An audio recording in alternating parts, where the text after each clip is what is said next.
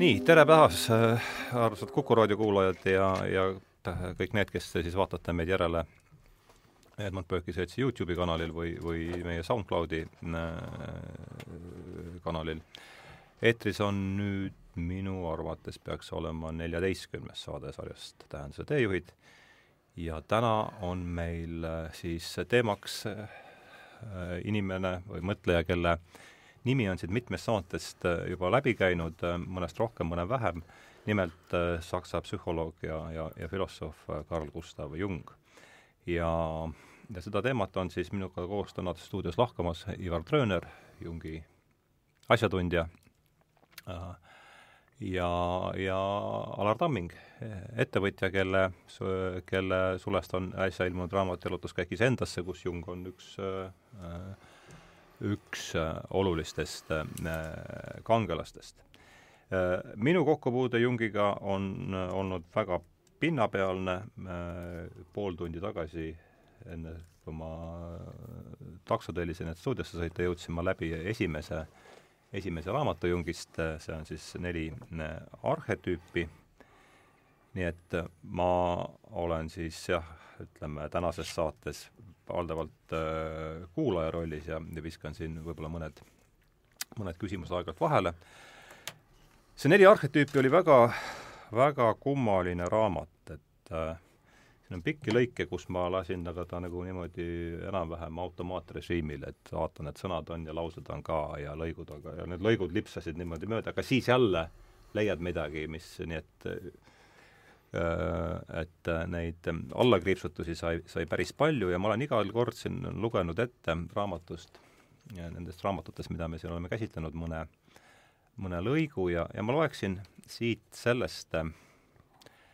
natuke võib-olla ta keskmisest pisut pikem, aga, aga ma arvan, et see on äh, alustuseks päris hea, et üks asi, mida ma siin saates olen avastanud, on see, et ma loen jube kehvasti, aga ma nüüd kuidagi üritan kontsentreerida ja, ja siis ka niimoodi enam-vähem soravalt selle asja siit maha, maha veerida. ma pean valgustatud ratsioon-, nii et siis lõik Carl Gustav Jungi raamatust Neli arhetüüpi. ma pean valgustatud ratsionalistilt küsima, kas tema arukas redutseerimine on toonud kaasa heatoimelise valitsemise mateeria ja vaimu üle? ta viitab uhkelt edusammudele füüsikas ja meditsiinis, vaimu vabastamisele keskaegsest piiratusest ning head, heade kavatsustega, ning heade kavatsustega kristlasena meie vabastamisel hirmust teemonite ees. et me küsime edasi, kuhu on viinud kõik senised kultuurisaavutused? kohutav vastus on meil silme ees ühestki hirmust pole vabaks saadud, sünge luu, luupainaja, sünge luupainaja lasub maailma kohal. seni on mõistus osutunud kahjuks võimetuks ja just see, mida kõik tahavad vältida, saab õudust äratava kiirusega teoks. Inimene on saavutanud määrata asja, määratu hulga kasulikke asju ning selle asemel, ning selle nimel avanud maailmas kuristikku ja mis saab, saab temast nüüd, kus suudab ta veel peatuda? pärast viimast maailmasõda loodeti mõistusele, seda loodetakse ikka veel aga juba ollakse vaimustuses uraani lõhustamise võimalustest ja tõotatakse endale kuldajastut. parim vahend selleks, et laastam-, laastamise koledad eeldused kasvaksid mõõt-, mõõtmaituks. ja kes on, kes seda kõike teeb? See on, see on seesama nii-öelda ohutu, andekas, leidlik ja arukas inimese hing, kes kahjuks on täies teadmatuses enda külge haakunud teemonitest. ma arvan, et see on, kui sellest üldse nüüd oli, minu ettelugemist oli võimalik aru saada, siis see on võib-olla see taust, mille pealt me võiksime siis esitada selle esim-, tänase saate esimese küsimuse, kes oli Carl Gustav Jung ja mida ta meile räägib, nii et kõigepealt siis, kes oli Carl Gustav Jung, ole hea, alustame Ivar sinust. Et Carl Gustav Jungi eludaatumid jäävad, sündis tuhat kaheksasada seitsekümmend viis ja suri tuhat üheksasada kuuskümmend üks, aga ma ei räägiks nii põhjalikult tema sellisest varasest lapsepõlvest, vaid erihariduselt oli ta tegelikult arstiteadlane ja psühhiaater aga tema kontekstist tuleb nii palju teada, kuna ta kasvas üles pastorite perekonnas, kus oli mitu põlvkonda vaimulikke, siis kõik religiooniga seotud teemad läbivad ka väga tihedalt kõiki tema põhimõisteid. et me ei saa nagu üldse rääkida tema põhimõistetest, kui me ei mõtle ka sinna juurde klassikalist teoloogiat, klassikalist filosoofiat, aga erihariduselt ei saa teda kindlasti psühholoogiks nimetada, pigem on ta võib-olla psühholoogia ajaloos üks kõige enim marginaliseeritud autor üldse. et kui te võtate Lääne ülikoolide psühholoogia ajalooõpiku ette, siis Carl Gustav Jungil heal juhul on mõni rida pühendatud, enamal juhul mitte midagi, ja see, mis on pühendatud, põhineb enamasti tema varasest loomingust niinimetatud tüübipsühholoogiaga ja sellega ka asi lõpeb aga Carl Gustav Jung laiemas plaanis oli kahtlemata üks kahekümnenda sajandi üks kõige mõjukamaid ja ka kõige selliseid hämaramaid mõtlejaid. ma ise pean teda tegelikult klassikalise saksa filosoofia jätkajaks, sest tema üks suur küsimus on olnud alates, mis saksa filosoofias on olnud alati äärmiselt tähtis, milline on autentne isiksus kes, kuidas selleks saadakse ja siin ta jätkab väga pikka neljateistkümnenda, kaheteistkümnenda sajandi saksa müstikute mõttetraditsiooni, sest ega Jungi isiksuse käsitlus pärineb väga palju just saksa nendelt müstikutelt, meister Eckhartilt ja Jakob Böömilt, et kui võt-, võtate kas või puhtalt empiiriliselt Jungi kogutud teosed ette, siis te näete, et klassikalist psühholoogiat ja klassikalist psühhiaatriat on seal vähe, paar köidet enamasti on need teosed, tegelevadki alkeemilised protsessidega, kultuurilise alateadvusega ja nõnda edasi, et Jung on väga variatiivne ja võib-olla ta sellepärast ka sobib ka hästi moodsasse ühiskonda, et ta ei klammerda inimese vaadet inimesele väga kindlasse sellisesse paradigmasse, et tema paradigmad on väga voolavad, et ka kõik tema põhimõisted muutuvad ajas, sest ta oli väga tihedalt ja väga pikalt kirjutav autor, et ta ju terve elu tegeles kirjutamisega. Ja kui me mõtleme kas või sellesama arhetüübi mõistele, see mõiste muutub tema loomingus mitmel korral ja just selle tõttu, kui palju ta süveneb klassikalisse filosoofiasse, oma mõttetraditsiooni et mina soovitan Jungi tõesti kõigil lugeda, sest ta on isiksuse arengu üks kõige põnevamaid autoreid, keda mina olen lugenud ja Jung annab alati lugejale, oma lugejale lootust, et iseendaga on võimalik tööd teha ja inimene väärib endaga tööd tegemist. Ma ka mõne sõnaga räägin, kuidas ma ise sattusin Carl Jungi juurde ja kui ma asusin psühholoogiat õppima, siis meie grupis Tartus oli üks eh, Jungi seltsi liige ja tema soovitas mulle ühe soomekeelse raamatu, eesti keeles oli selle ajaks ilmunud Jungist ainult see ufode raamat, mida ma ka olin lugenud, millest ma ei saanud mitte midagi aru. mille Mati Unt tõlkis. ja, ja mis oli minu jaoks täiesti väga keeruline. ja siis oli selline raamat, mis hiljem ka ilmus kas Eesti kas see Undi tõlgitud äh, Jung oli käsi, kõige esimene? kõige esimene, see Tänapäeva müüt. oli ja, jah, jah, ja tundus väga huvitav ja ufod ja noorele mehele ikka tundub huvitav, aga täiesti läks kuidagi käest, käest ära ja terminid samamoodi aga siis oli selline raamat nagu Mõtted, uned, mälestused, mille ma sain soomekeelses käsikirjas. mis on nüüd ka eesti keeles olemas? ja see on eesti keeles olemas. ja siis ma teda hakkasin lugema, hakkasin teda ja ma lugesin teda lennukis ja ma mäletan, kuidas ma lennukiga lendasin kuskil Aasias. ja lennuk hakkas maanduma ja kakskümmend minutit oli maandumiseni ja mõtlesin, et et ma ei taha, et lennuk maandub, et see oli nii huvitav ja nii põnev ja ta nii meeletult haaras mind. ja, ja see oli, minu arust on see, ütleme, Jungiga tutvumiseks see Mõtted, uned, mälestused on kõige parem raamat et kui ma nüüd seda neli arhetüüpi enne tänast ka uuesti üle lugesin, siis eh, sellel on, eh, ma kujutan ette, seda peaks lugema siis, kui ülejäänud Jung on loetud. sest see läheb väga, väga keeruliseks ja spetsiifiliseks. päris jah, see kohati oli ta väga läbitungimatu. ja ma tooks nagu võrdluse, et see on sama, kui hakata lugema Ken Wilberit integraalsest psühholoogiast. selle asemel, jaa, sest selle asemel, et alustada kõiksuse teooriast või kõiksuse lühilugu. et eh, täna me ilmselt jõuame ka arhetüüpide teema juurde, siis eh, arhetüüpi juurde ka Jung jõudis oma kahekümneaastase nii-öelda mõtiskluse tulemusena inimolemusest ja kus siis eelnevad on kõik etapid alates egost ja persoonast ja varjust ja, ja animast, animusest, kollektiivsest alateadvusest, et see on tegelikult tema kõige sügavam kiht, millest tegelikult ei tohiks nagu alustada. et see on sama, kui võtta ette eh, romaan, kui oled alles tähed selgeks õppinud. et see on hästi pikk protsess aga kui see Jungist natuke tõstab mu enesetunnet praegu. mul tekkis tõsine hirm, kui ma sain aru, et sul teised on veel nüüd põhjalikumalt läbi töötamata. aga kui nüüd Jungi juurde minna ja nii-öelda tema ajaloost, siis jah, ta oli pastori perekonnast pärit, aga toome ka natuke niisuguseid huvitavaid fakte, mida talle endale ei meeldinud ja mis tõenäoliselt ei ole ka tõsi, mis siis nii-öelda perekonnalegend rääkis seda, et olevat olnud Goethe lapselaps. et äkki nii-öelda tema nii-öelda geniaalsus on tulnud ka nii-öelda eelnevatest põlvkondadest. et ei ole üldse nagu välistatud ja teiseks peab kindlasti tema kohta ütlema, et ta oli omamoodi ka müstik, selles mõttes, et tal olid endal hästi varakult olid kogemused kuna kuigi ta isa oli pastor, siis ta kir-, kirjeldab oma raamatus, mismoodi ta käis isa jumalateenistusel ja sai aru, et seal mitte midagi ta ei tunne, kasutab ainult sõnu. ja tal endal oli kuskil viieteistkümnendal, kuueteistkümnendal eluaastal väga sügav müstiline kogemus, mis teda tuge-, tugevalt nagu mõjutas. ja Jungi psühholoogia kohta võib ka öelda seda, et ta on üks, mikspärast on marginaliseeritud, väga, minu arust väga lihtsal põhjusel, kuna tema psühholoogia sisaldab, ma nimetaks nii-öelda eh, mateeriast eh, väljaspool oleva vaimu või vaimse dimensiooni olemasolu. et psühholoogia on ju praegusel hetkel noh, põhimõtteliselt on nagu keemia, eks, ja, ja keemia, võib öelda, et keemia on omamoodi füüsika ja füüsika on omamoodi matemaatika, eks, nii et sellist nii-öelda mingisuguse dimensiooni olemasoluks ruumi ei jäeta, aga on kolm psühholoogia haru, kus see on olemas, on siis nii-öelda Jungi psühholoogia,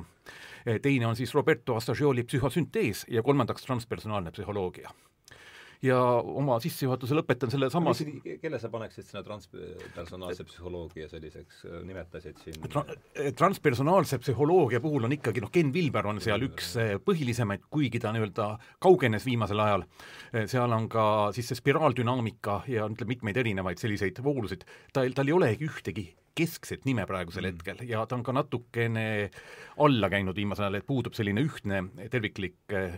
raamistik. Mm. -hmm nii, aga ma nopiksin, noppisin siis eelmisest vastusest üles sellise sõnapaari, mida võiksid hakata hargnema ja võib-olla läheme siis ajas nagu tagasi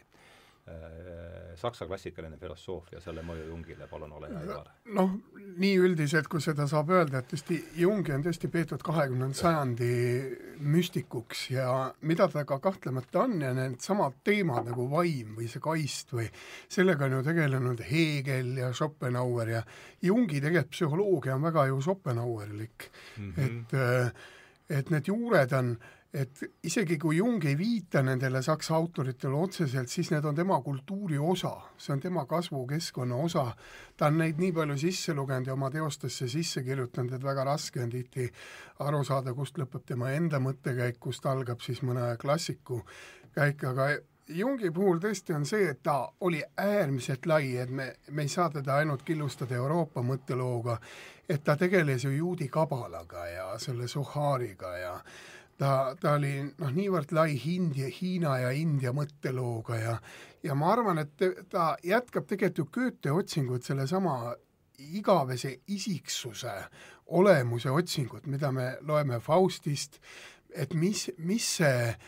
niinimetatud isiksuse otsing on ja lõppude lõpuks ju Jung äh, noh, ei olnud ju filosoof ja, ja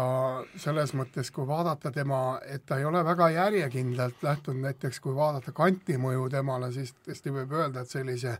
isiksuse psühholoogia Lääne-Euroopa mõtteloos loob ju Kant oma praktilise mõistuse kriitikaga, kus on need iga, isiksuse igavised kategooriad, mida ta analüüsib ja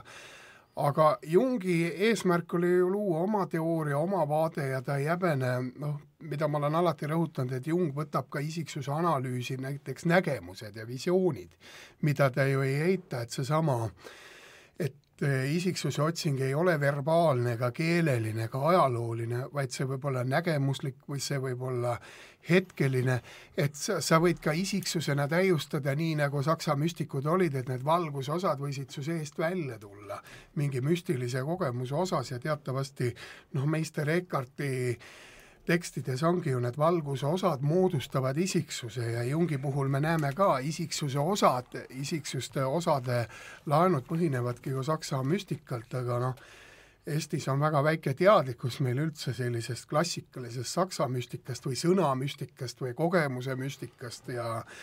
et neid tekste tu-, tasuks ka ennem Jungi, Jungi maailma sisse astudes täiesti lugeda, et et Jungi selline terviklik ja mind on teda alati paelunud tema teatud selline piiride vabadus. et kui ta vaatleb inimest, jah, on näha tõesti seda, et väga tihti ta koperdab selliste keeleliste keelelise maailmale omase piiratusega, et ta ei saa väljendada seda, mida ta tahaks väljendada oma teostes. et kas või seesama ahretubi mõiste on noh, pärineb ju tegelikult algkristlikelt äh, kirikuisadelt, algul see tähendas Jumala pilti inimese sees. arhetüüp, Jumala pilt inimese sees. püha Agustiinuses. ja Agustiinuse teosed olid talle samuti äärmiselt oluline, sest kui me mõtleme kus see isiksuse otsing lääne kultuurist peale hakkab, siis see ongi Agustiinuse pihtimused. ehk see, et ma räägin iseendale iseendast, hiljem ju Petrarca hakkab seda kordama, aga Jung ju loeb väga põhjalikult Augustiinuse tekste ja just seesama pihtimused, mis on ju ka eesti keeles olemas. et see on tegelikult ju esimene selline tõsiseltvõetav isiksuse analüüsi teos üldse mm.. seni räägiti vaimust, seni räägiti hingest, räägiti vormidest, kui me mõtleme Platonile või Aristotelesele või mingist eetilistest voorustest, aga kus, kus inimene kõneleb iseendaga iseendast ja oma siseängidest, see saab ju alguse Augustiinuselt. ja on selge see, et Jung tabas sealt ära mingi väga selge telje, et et just seesama, et kui isiksuse analüüsi osas, et kui avatud me tegelikult endale oleme ja see vaim peakski äh, Äh, noh, kui me mõtleme kas või Heegeli vaimukäsitlusele, siis vaim on te tegelikult alati ju konfliktne, ta on inimese sees konfliktne, et seda igavest rahuseisundit vaim tihti inimese sees ei võimaldagi, aga Jung just seda otsibki, seda igavese rahuseisundit, sest selles dialektilises protsessis või Jung mainib seda alkeemiliseks protsessiks, toimubki lõhustumine, vastandite omavaheline võitlus, et kui me vaatame Jungi ühte põhimõistet nagu loovpinge, et just selle loova pingega, pingega saavutataksegi selline psüühiline terviklikkus või iseosade terviklikkus Alar, sa oled teinud seal märkmeid, kas sa võt-, võtad ise mingi niidi otsa üles või mulle jäi kõlama praegu see sõna nii-öelda tema nii-öelda visioonid ja asjad, eh, mis on ka psühholoogias eh, öeldakse, et alateadvus räägib piltidega. et eh, minu arust me tänapäeval liiga tähtsustame üle mõtlemist ja sõnalist ja verbaalsest mõtlemist. ja selle koha pealt oli ka, Jung tõi hästi selgelt alateadvusega töö psühholoogiasse sisse ja see on eelkõige töö piltidega mis on, mis on siis see kiht, mis on nii-öelda mõtete taga. et siit hakkame võib-olla jõudma siis sellise nii-öelda Jungi teooria olemuseni. meil unenägudes vahel. absoluutselt, et kui minna nagu unenägude juurde, siis on öeldud, et unenäod on kiri meile meie alateadvuselt. aga me oleme mugavad ja laisad ja me ei hakka seda läbi lugema, selle asemel, et üldse teda avada. et me ei taha nagu endaga ise tegeleda et see oli nii-öelda esimene, esimene niid, niidiots, niidiots, mis mind nagu, nagu haakis. et kas me võime ka võtta natuke lahti selle Jungi isiksuse struktuuri, mida ma mõne sõnaga nagu ütleks, kui ma, ma küsiks enne vahele seda, et siin on äh,, räägitakse teadvustamatusest, eks, see on see un-, unbewusste on ja, see, eks ja. ole, saksa keeles. ja siin ta kohast, ühes kohas isegi äh, siis eristab äh,, ütleb, et teadvustamatuse tõlkimine alateadvuseks on äh, et kuidas see, kuidas see tõlketraditsioon meil üldse on, et me räägime niimoodi automaatselt alateadvusest, aga kultuuriliselt on meil nagu selge, nagu alateadvus on meie süvastruktuurides hästi arusaadav. aga kindlasti ei saa seda nimetada alateadvuseks, see jätab mulje, et ta on allpool. just selle, seda ja, ta ja, ja küsimus on selles, et see nii-öelda alateadvus mõjutab meie tegevust palju rohkem, kui me arvame, et see on kogu meie tegevuse aluseks, et kust tuleb üldse energia, kust tulevad nii-öelda, mis on mõtete tagamaad. et see kohta öelda, et nagu alateadvus all üleminek, see on nagu vale. nii et teadvustamatus oleks ikkagi vist parem äh noh, ta tõlkeliselt on korrektsem. korrektsem, korrektsem, ega ta, ta ei kõla nii hästi. ei mõista tihti seda, et see rahvakeelne alateadvus paneb nagu selle mõistmisprotsessi paremini tööle. pigem peab kasutama ja. alateadvust ja juurde tooma sellesama jutu, mida me praegu siin räägime, et alateadvus ei tähenda, et ta on allpool, sest me automaatselt ja. niimoodi kohe selle sõna all paigutame kehvemaks, aga just. ta ei ole halvem. aga unbewusste on see originaal, eks ole, saksa keeles. jah, ja, ja, ja näiteks Jungi puhul ka, kui me räägime nõndanimetatud alateadvusest, siis see ei ole ju negatiivne mõiste, kui Freudil oli see selline koledate asjade kolikamber, siis Jungi jaoks on see lai maailm ja positiivne, kus on tõesti kõik kujundid, ettekujutused religioonist ja jumalast ja ja et see on äh, selline suurepärane maailm, see alateadvuse maailm, ainult sellega tuleb tööd teha tooks lihtsalt juurde, et Assagioli on erinevalt Jungist ka sama teemaga tegelenud tema on ju välja toonud veel nii-öelda madalama alateadvuse ja kõrgema alateadvuse. et madalam alateadvus on seotud igasuguste negatiivsete emotsioonidega, hirm, häbi ja sellised ütleme, mis, mida inimene tahaks eemale lükata. ja kõrgem alateadvus on teaduses olevad intuitsioon ja inspiratsioon, loovuse lätted, mis samamoodi on alateadvus, et järsku inimesele voolab sisse võime hakata luuletusi looma. alateadvus siis sellega jälle selle teadvustamatus? jah, teadvustamatus jah. see on nagu huvitav, ma arvan, see on oluline niisugune asi, millele see et Assagiolil on niisugune ilus ümmargune munakujuline diagramm, kus siis keskel on nii-öelda see ego, et see on see, kes ka meil siin praegu nagu jälgib seda maailma, teadvustab seda, mis on, ja see on siis kaetud omaette jälle nii-öelda persoonaga, mis siis on see,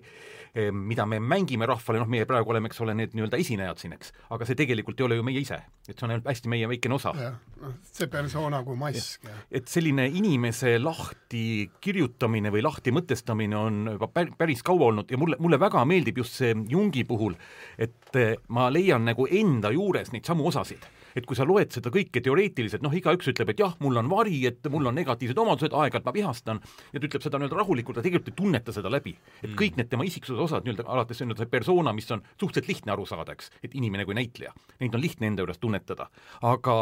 ainult selline nii-öelda teoreetiline lähenemine jätab, jääb hästi kuivaks ja ma arvan, et enamus psühholooge sellepärast Jungi ei mõistagi, et nad ei ole enda sees niivõrd sügavale läinud ja kui ma siia veel juurde toon ühe omaenda mõtiskluse, kui ma nii-öelda Jungiga hakkasin tegelema ja uurisin nagu psühhoanalüüsi ja selliseid nii-öelda süvateemasid, mis mulle on väga olulised, nimetame süvapsühholoogiaks, eh, siis ma avastasin, et inimesed ja psühholoogid, kes endaga tegelevad, elavad keskmisest kauem et Jung elas kaheksakümne kuue aastaseks, Viktor Frankl oli vist üheksakümmend viis, Lööven bioenergeetika oma, oma laagrikogemusest. jaa, täpselt, jaa, Lööven oli, vist oli sada, sada kaks bioenergeetika looja ja minu enda hüpotees, noh, see on niisugune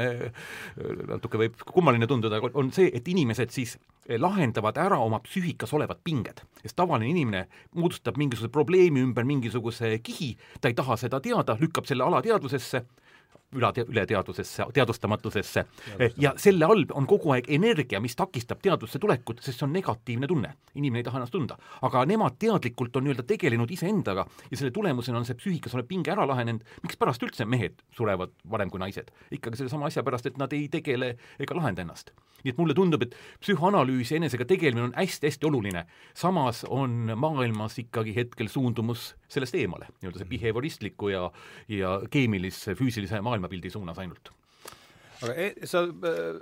pakkusid välja, et me vaatame see Ju-, Jungi mm, sellise mm, mõtteraamistiku põhimõisted, aga enne kui me sinna läheme ja ma arvan, seda tuleks kindlasti teha, nopiks, noppisin üles sellise sõnapaari nagu müstiline kogemus, et mida me äh, müstiline maailmavaade, saksa müstikud, Meister Eckhart, et äh, prooviks no müstiline ongi ilmselt see, mis ei allu hästi defineerimisele, see on ilmselt, aga et üritame sellele sõnapaarile mingi eh, sisu taha praegu mõtelda järgmise ringiga. jah, et minu arvates on ka kogemus üks kõige keerulisemaid mõisteid üldse filosoofia ja psühholoogia ajaloost, et eh, alates Platonist kuni Kantist, kes räägib puhtast kogemusest, aga müstiline kogemus, see kui Eckarti tekste vaadelda või Jungi tekste, siis on selge, et see on teatud hingeosade vabanemine, võib öelda kõige lihtsamalt. müstiline kogu teatud hingeosade vabanemine. ja, ja, ja, ja, ja kas ta vabaneb seal näiteks, kui me mõtleme Jakob Böhmile, kes oli ka saksa rahvusmüstik, et temal näiteks see vabanemine toimus tulejoana, et ta tundis, et tema seest väljub tulejuga ja Jung ju kõiki neid müstikuid, keskaja müstikuid ju uuris, aga müstiline kogemus on ju ka William Jamesi, minu teada eelmine saade teil oligi ju Just. usulise kogemuse mitmenäolisusest, et see kogemuse struktuur, et näiteks William Jamesi kogemuse struktuur pärineb ka ju puhtalt tegelikult Kanti puhta mõistuse kriitikast. et see on üks kättesaamatu mõiste üldse filosoofia ajaloos, sest selle sisud on kultuuriliselt täidetud. see tähendab, et iga ajastu kultuuri inimesed verbaliseerivad seda kogemuse mõistet täiesti erinevalt, sest mm. see kogemus on nii kultuuripraktikad, nii keelepraktikad, seal on ka puhtad kognitsioonid, mida inimene ei tunneta, vaid mis on puhtad ajutegevuse tulemus. aga on näha, et kui vaadelda seda kogemuse mõistet kas või puhtalt literatuurselt, siis on näha, et müstikute jaoks on ta hingeosad, ratsionalistide jaoks on see kogemus see, mis eristab väga selgelt seda mõistusraatiot ja, ja nõnda edasi, et see on väga ajastukeskne ja seda kirjeldatakse ajastukesksete mõistetega. Jung ju eraldi kogemuse kohta raamatut ei kirjutanud, sest see on niivõrd keeruline teema, et kui me vaatame kas või Jamesi kuulsat teost, siis seal on näha, et ta ei seleta lahti kogemuse struktuuri, vaid ta uurib eelkõige seda, kuidas inimesed kogevad just see küsimus, mis, kuidas indiviidid kogevad kogemust. Et seal on näiteid sellest, et no vahel ma olen imestanud, et kui ma loen William Jamesi tekste, et näiteks ta uuris äärmuslike usurühmade usulisi kogemusi, käis kogudustes, luges äh, ekstaatiliste koguduste liikmete traktaate, et just näha, et kuidas see kogemus väljendub, sest abstraktselt seda kogemust lahti võtta on äärmiselt peen töö ja see on väga kultuuriliste sisudega täidetud ja ja nõnda edasi, et aga see on äärmiselt, noh, selles mõttes äärmiselt põnev teema, et et me näeme, et kuidas me kohe, et seda kogemust on ka palju tõrjutud, et me räägime keelest ja kõik, mis keelelisse maailma ei mahu, üldjuhul kukub teaduslikust pildist välja. et kui, kas me mõtleme ka Uku Maasingu kogemustele, Uku Maasingu teostele, siis ka tema püüdis saada kogemust just keelevälisest maailmast, et saada keelest lahti, sest keel piirab. keel piiras Jungi, keel, keel piiras saksa müstikuid, et jah, ühes mõttes keel aitab kommunikatsioonis olla, aga kogemuse osas ta pigem piirab ja hägustab, et äh, nõnda edasi mõeldes siin kohapeal ma natukene kasutaksin spikrit, sellepärast ma olen kunagi müstilise kogemuse kohta teinud üks kümmekond slaidi, kus mul on siin mõned ka nii-öelda definitsioonid ja asjad. ja see oli minu jaoks hästi huvitav teema. et esimene, kes sellise müstilise kogemuse psühholoogiasse tõi, oli siis Maurice Pükk, Kanada psühhiaater, kellel endal oli täiesti erakordne kogemus ja ta on siis püüdnud selle ära sõnastada ja ma proovin selle nii-öelda soojenduseks ette ära lugeda ehm, Eh, muide, tema raamatut, mis ilmus eh, möödunud sajandi lõpul, avaldatakse siiamaani välja, et kaks tuhat üheksa oli mis ta nimi oli? Eh, Maurice Pükk, Maurice Pükk, tuhat kaheksasada kolmkümmend seitse kuni tuhat üheksasada kaks olid tema aastad. ja tema kogemus oli siis järgmine, indiviid tunneb äkitselt, ilma igasuguse hoiatuseta, et ta mässitakse leeki või roosavärvilisse pilve või siis on see pigem tunne, et ta mõistus on täidetud hägusa pilvemassiga, millega kaasneb ülevoolav rõõmu, kindluse, triumfi ja pääsemise tunne. edasi nägi ja teadis ta, et kosmos ei ole surnud mateeria, vaid elav olend, inglise keeles living presence, et inimese hing on surematu, et universum on nii ehitatud ja korraldatud nii, et ilma ühegi kahtluse varjundita kõik töötab kõigi heaks, et maailma alusprintsiibiks on armastus ja et igaühe õnn on pikemas perspektiivis täielikult kindlustatud. ja Maurice Pikk ütles, et ta õppis nende mõne sekundi jooksul, eh, mil valgustus kestis, noh kuigi ta kestab tavaliselt kuskil kuni kolmkümmend minutit, on selline erakordne kogemus, et ta õppis rohkem kui kogu oma õpingute jooksul ja ta õppis seda, mida üheski koolis ega stuudiumis ei õpetata. et see on pigem, noh minu jaoks on selline koht, kus nii-öelda tunde ja mõtte struktuurid saavad täielikult eh, kokku ja siinkohal äkki ma toon siis välja ka see William James, kes siis on selle müstilise kogemuse toonud ikkagi eh, sellisesse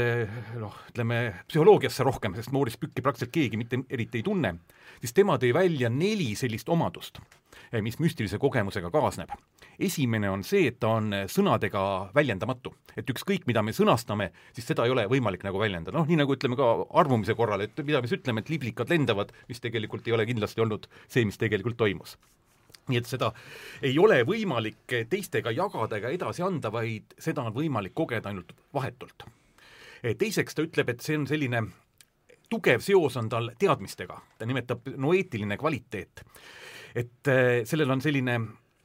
teadmise aspekt, milleni mõtlev intellekt ei jõua, aga mis sa nagu sisemiselt väga selgelt saad aru, sest see on nagu, ta tuleb ikkagi teadmisena sulle. ja sa tead, et see teadmine on nagu õige. et see on nagu tõe, tõe kriteerium tuleb juurde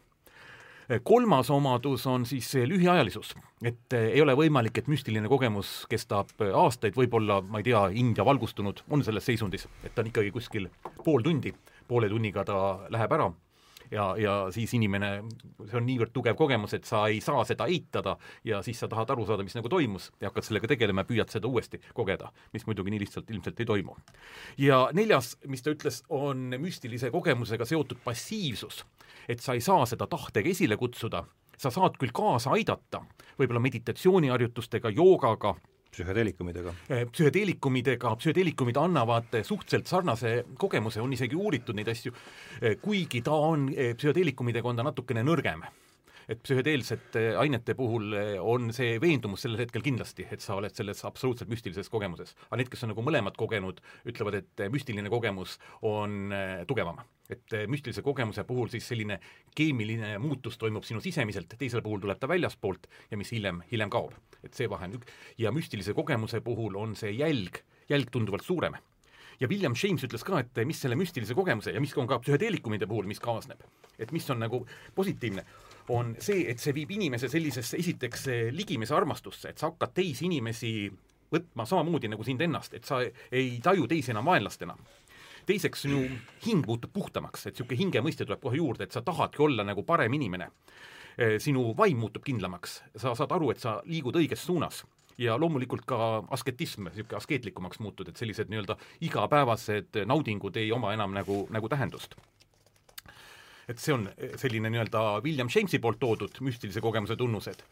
hiljem on siia veel juurde toodud, ma mõne sõnaga, kui see juba teemaks on, ütlen ära, esiteks on, kaob ära subjekti ja objekti vastuolu. et selline duaalne maailm kaob ära, et see absoluutselt kõik on ühtne tervik ja see on nii-öelda ka tunnetuslikult. Oceanisches-Gefühl on see saksakeelne äh,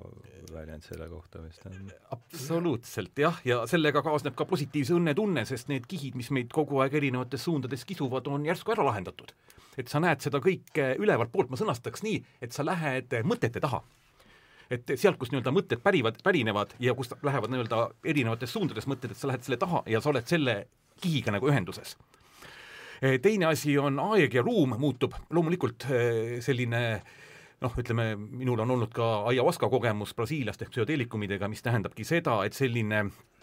aeg on, muutub nii-öelda igavik ja hetk ja kõik muutub täiesti absoluutselt üheks. et eh, see on nii-öelda erakordne siin ja praegu tunne, et ma olen siin ja see ongi universumis kõige tähtsam. et noh, jooga järgi isegi öeldakse, et minevikus ja tulevikus elamine on hulluse märgid et kui me elame minevikus, me ei saa seal ju kunagi midagi muuta ja elame tulevikus, mida me ei tea, et ainukene hetk on siin. aga müstilise kogemuse ajal see siin on absoluutselt, et praegu ma mõtlen, et ma tahaks siin olla näiteks, eks, siis sa selle peale ei pea mõtlema, siis ta on lihtsalt. Äh, loomulikult siis on toodud välja, et väga sügav positiivsus ja õnnetunne, et äh, seesama selline negatiivsus ja niisugune nagu valu, mis siin maailmas palju on, see on täielikult kadunud.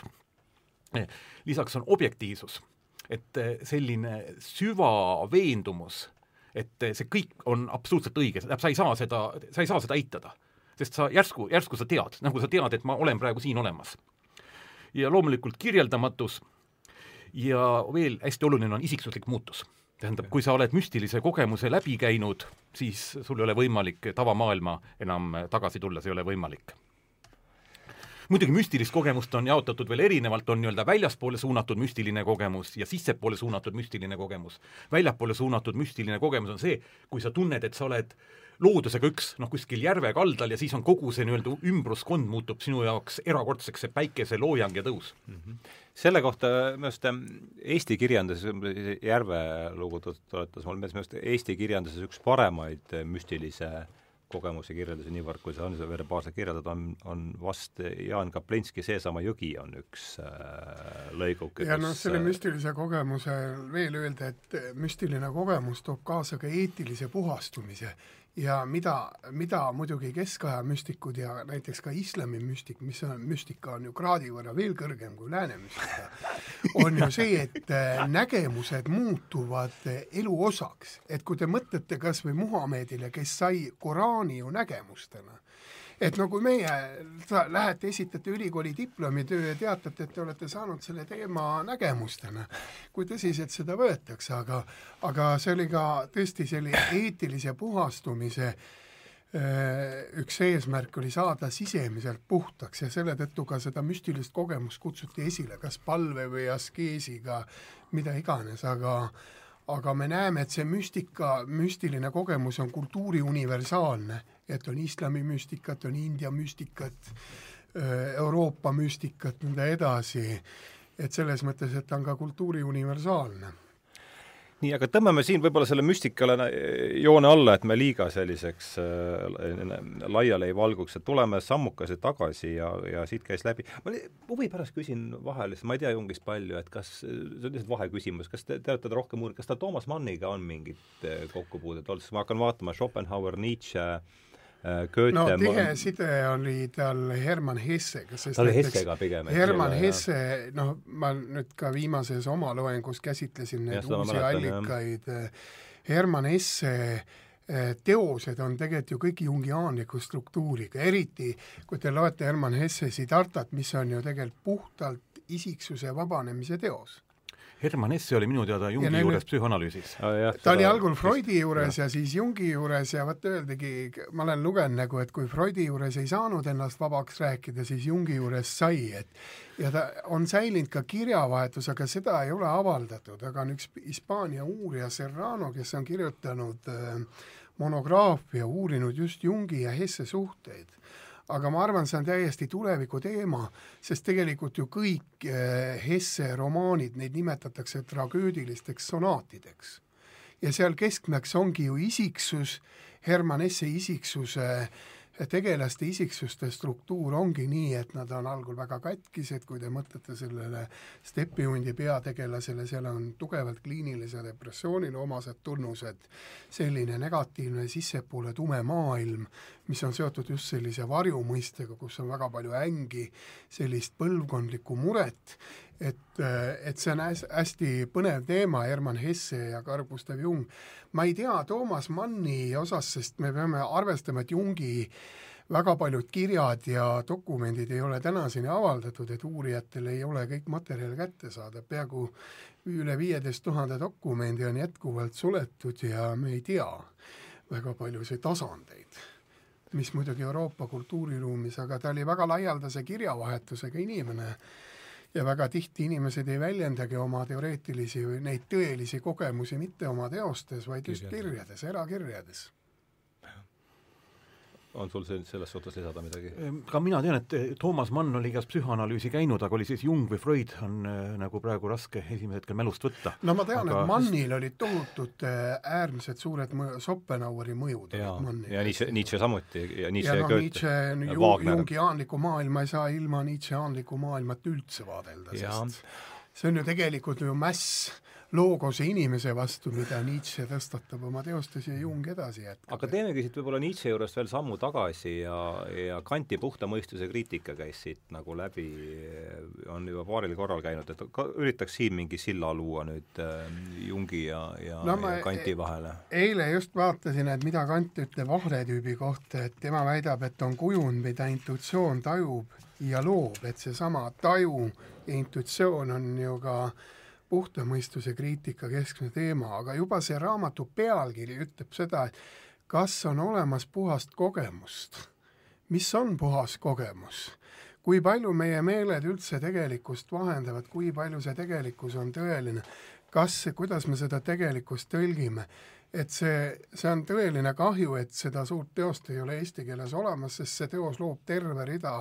mõisteid, filosoofilisi mõisteid, mida eesti keeles täna ei ole aga jungiaanlikku ja freudistlikku maailma ikkagi ilma Hegeli kantita mõtestada väga raske, sest need on niivõrd tihedalt seotud keeleliselt tähendusmaailmad, et et äh, aga noh, Kant vääriks täiesti eraldi käsitlust, sest tal on nii ajalooline vaade inimesele, tal on ühiskondlik vaade inimesele, aga siis ka puhtalt selline äh,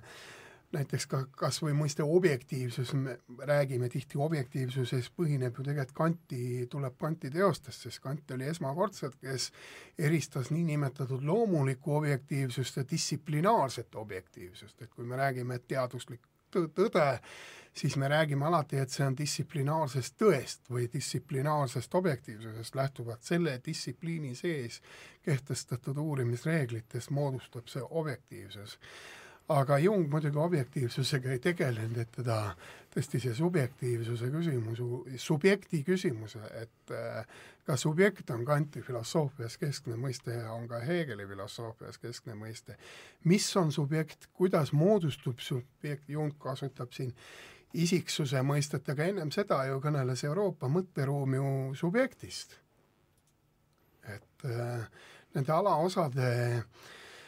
läbimõtestamine, et kuna meil ei ole jah, neid tõlkeid ilmunud, siis ka on väga raske keeleliselt väljendada, sest eesti keeles puuduvad terved suured mõistemaailmad. me ei suudagi konstrueerida lauseid tänu sellele, sest puudub selline mõt-, tekstid puuduvad, alustekstid muud puuduvad ja siis selle Mm. tõttu ka keele laienemist ei ole toimunud, et äh, Jungi puhul see ju, tema, tema jaoks olid need tema kultuuriruumi tekstid, ta luges seal noh, kui me mõtleme kas või Goethe mõjule, et Goethel on ju ka isiksuse otsing on ju kogu loometelg, et see isiksus, see tuleb ju ka see on see renessansi Bildungromaan, eks, mis on saksa jah, näiteks ka su- teoseid nimet-, Heegeli peateos Loogikateadus, seda ka nimetatakse Bildungromaanina, seda tulekski lugeda, seal ju kesksed teemad ongi olemine, eksistents, ta loobub sellisest arvu loogikast ja räägib subjekti loogikast. Aga subjekt on ka keskne mõiste psühhoanalüüsis, olenemata see, et need keelelised mõisted, millega subjekti määratletakse, on väga-väga palju muutunud. et selles, selles tähenduses, jah. Kant, puhas kogem-, et me, võib-olla siit on sa- samm minna edasi selle, võib-olla me saame siit natuke arhetüübile lähemale, sest see, see küsimus, et, et kas on olemas puhast kogemust ja, ja nii vähe, kui mina kantist aru saan, ütleb, et ei ole, et meil on sees juba olemas mingid a priorsed tõlgendusskeemid, et mille sellel põhineb ka Jung põhimõtteliselt, mis ta ütleb, et kuigi me nii-öelda sünnime, peaksime olema nagu tabula rasa, nagu mõni on välja pakkunud, siis tegelikult ikkagi selline eh, kollektiivne meie eelaste mälu on meiega nagu kaasas. keha on, keha on ju tohutu informatsiooni keha- säili-, ja et kuidas, kuidas need näited on, et isegi tehtud, kes, kes kanapoegadega, kes sünnivad ja siis lastakse vari üle ja ilma, et oleks ühtegi röövlindu näinud, hakkab nii-öelda reageerima. et see on siis sellise nii-öelda arhetüübi aluseks, võiks seda nimetada, et et Jungi jaoks on ju olemas, et meil on see nii-öelda eh, teadvustatuse kiht, siis on nii-öelda, nimetame alateadvus või teadvustamatus ja selle all on veel nii-öelda kollektiivne teadvustamatus, kollektiivne alateadvus, mis ongi tema nii-öelda suurimaks panuseks psühholoogiasse. ja kollektiivse alateadvuse elemendid on siis arhetüübid aga need arhetüübid on siis ilma sellise sisuta, nad on ainult vormid ja igaüks paneb nii-öelda erineva sisu. et, et noh, kui läheme nüüd sinna, et kõige lihtsamad arhetüübid, eks ole, ema, et mis, kes siis ema meie jaoks on, et ühe jaoks on positiivne, teise jaoks võib ta negatiivne olla. et see sisu tuleb meile igalühel individuaalselt. et ka ta sedamas- kõneleb ka arhetüüpide puhul ürgkujunditest, mis ongi need etteantud ideed inimese teadvuses, mis siis vallanduvad kultuuri, kultuuri taustal, et kui inim-, inimene eksisteerib kultuuris, et siis see kultuur väljendab need ürgs, ürgkujundilised sisud, need võivadki olla teadvustamatud, keelelised, mittekeelelised, aga, aga kui me mõtleme näiteks kolmandal sajandil ka kasutati arhetüübi mõistet, siis see tähendaski sisemist valgust algul. Ja siis ta liigub sealt edasi, et kirikuisade tekstide, just nende algkirikuisade tekstide uurimine on äärmiselt põnev maailm, eriti jungiaanlikus maailmas, sest ta kasutas väga palju alg-, esimese sajandi ja kolmanda sajandi kristlikke eh, suuri tekste, et sealt ta sai, ja noh, muidugi see ürgvormi mõiste tuleb ju Platonilt, sest vorm Just, on Platoni, platonlikus jah. filosoofias kõige olulisem mm -hmm. mõiste. mida need, mi-, millised, mis on need arhetüüpide sisud, need on juba teised, et seal noh, need võivad tõesti eelvormid, need on teatud eelvormid, mida ta nimetab seal, unenäod ja unenägude materjal, noh kui Freud nimetas lihtsalt, et on olemas unenäotöö ja unenäod ei ole ei endelised, siis Jungi jaoks une, unenägu, unenäos olemine või rändamine, see ongi selline alateadlik materjal, millega saab tööd teha ja unenägude sümboolika, universaalsümboolika, individuaalsümboolika ja ja nõnda edasi, et aga nende eelvormide või ürgvormide sisud, noh, need ongi kõik sellised alal, siis võib pärast avada, et eh, aga me näeme, et eh, noh, jah, et eh, mina ütleks veel juurde, et mulle väga meeldib, et Jung eh, julgeb mõelda mõtteid lõpuni. nagu öeldakse, et kui eh, enamus probleemide allikaid inimesel on see, et mõtted jäetakse poolikuks, jõutakse selle kohta, kus on nii-öelda mingi vastuolu teiste mõtetega, kognitiivne dissonants, siis lükatakse kõrvale ja ei julgeta mõt-, mõtelda. nii-öelda Jung esitab ka küsimuse arhetüüpide eh, päritolust, et kuidas need on nagu arenenud, nii-öelda arve, arvestades evolutsioonilist arengut, et millal nad nagu tekkisid üldse ja mismoodi nad tekkisid ja kus nad nagu asuvad. muidugi ta ei anna nendele küsimustele vastuseid, aga need on tegelikult põhiküsimus. ehk see põhiküsimus jõuab välja teadvuse olemasoluni, et kuidas tekkis mm. nii-öelda teadvus mis on tegelikult kõige sügavam küsimus, millele praegusel hetkel eh, vastust ei ole. et eh, et kui öelda, et ta on lihtsalt keemiliste neuronite produkt, siis noh, mina kindlasti enda puhul sellega nõus ei ole, et ma olen ainult mingisugune aatomite, elektronide kokkusattumine praegusel hetkel. tema ju... teadvuse kontseptsioon on ka selles mõttes ajalooline, ajalooline, kultuuriline, et ta tõesti usub ka seda, et teadvus on laetud kultuuri ala, sellisest ajaloolisest kultuurilisest materjalist, et see ei ole tõesti neur-, see ei ole ainult bio, bioloogiline teadvuse käsitlus, kus tõesti teadvus on ainult nende intellekti ja mingite osade töö summa. et see teadvuse probleem on ju ka saksa filosoofias suur küsimus, et kui Heegel räägib, et noh, teadvus, see tähendab eelkõige ideede liikumist ja mingisugust dünaamikat, et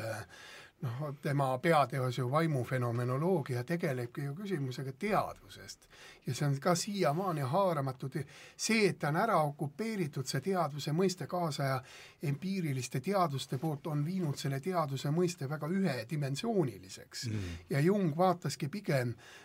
Jung vaataski teadvust ju mitmedimensiooniliselt, et ta ei eita ju loodusteaduslikke vaateid, et seda seda ei saa kindlasti öelda, sest ta oma ettevalmistuselt oli ju meditsiiniteadlane. ja ta tegi ju teadvuse assotsiatsiooni katseid, mis on ju klassikaline äh, klassikaline uurimussuund uurida teadvuse sisusi, et meil on tõesti andmestik olemas teadvuse sisude kohta, et noh, mida see teadvus representeerib, mida ta esile kutsub, teatud tajuprotsessidest, aga mis see teadvus kui tervik, see on tõesti siiamaani lahendamata, aga Jung jah, vaatab seda väga mitmedimensiooniliselt ja ta ei eita ka neid teadvuse äärmuslikke kogemusi, mis on ju ka tegelikult müstiline kogemus, on ju ka üks teadvuse kogemustest või väljendustest. aga, aga me näeme, kui, kui palju on skolastik, sõna skolastikaga see mõiste teadvus koormatud näiteks filosoofia ajaloos, et samuti kättesaamatu mõiste, nii nagu on inimene, et kõik sellised suured mõisted on äh, täiesti tihti piiritlemata, me räägime nendest iga päev hommikust õhtuni, tundub, et iseenesestmõistetavalt, aga kui hakkame keeleliselt lahti võtma, siis mõistame, et oleme sattunud täielikku sellisesse mõistete ja tähenduste sohu noh jah, selle, minule ka see teadvus pakub hästi suurt huvi, kui võib-olla isegi veel rohkem ma nimetaks muutunud teaduse seisundit, mille kohta on öeldud, et neid uurides on võimalik teaduse kohta rohkem teada saada. aga minule just on huvi pakkunud muutunud teaduse seisundid, mitte need, kus inimene on natuke loll ja sassis, vaid just, pigem just nimetame ka müstilised kogemused, kus inimene tunneb ennast tervikuna, paremana ja kõrgemana. et see on selline kõige huvitavam ala, sest kui me vaatame nagu inimese arengut, siis võib öelda, et noh, me oleme arenenud ahvist inimeseks ja nüüd inimeseks peaks arenema nii-öelda üliinimeseks, inimeseks ehk jumalaks, et tegelikult me oleme ju poolel teel et me ei saa öelda, et me oleme nii-öelda valmis produkt praegusel hetkel. et võib-olla sellised nii-öelda müstilised kogemused on see, mis võiks olla inimese nii-öelda normaalne seisund tegelikkuses. et see inimese olek ei peaks olema ju ebamugavus, valu, peaks olema nii-öelda rõõm, õnn ja nauding. et mulle meeldib nagu selline, selline lähenemine, on ju kaks erinevat seisukohta. Artur Köstler on öelnud, et inimkond on siis praegusel hetkel jõudnud ummikteele et eh, lõhe meie mõtete ja tunnete vahel kogu aeg eh, suureneb. et me teame, mida peame tegema, ei tee seda. Ja teeme seda, mida me teha ei tohiks. Ja inimkond on määratud väljasuremisele, sest see lõhe kogu aeg suureneb, nagu siin algselt oli öeldud, et mida me siin oleme teinud, eks ole, tuumarelva, oleme loonud teemoni, kes meid võib kõike hävitada. et Artur Köstleril on üks selline teooria, muidugi see on tingitud tema oma kogemustest siin nii-öelda selle sajandi alguses, aga teine on siis äh, Aura Pindo teooria, mis ütleb, et inimkond on alles oma lapse kingades. et me oleme psüühiliselt nagu väike laps, niisugune, kellele meeldib sõjamänge mängida ja relvastuda ja luurekat minna mängima ja, ja siis nii-öelda kakelda naabritega ja asjad, et me oleme alles algusjärgus et see on nii-öelda seitsme-kaheksa aastane, et meie inimkonna parimad äh, ajad on alles ees. et mulle selline teine teooria meeldib muidugi natukene, natukene rohkem. kindlasti optimistlikum.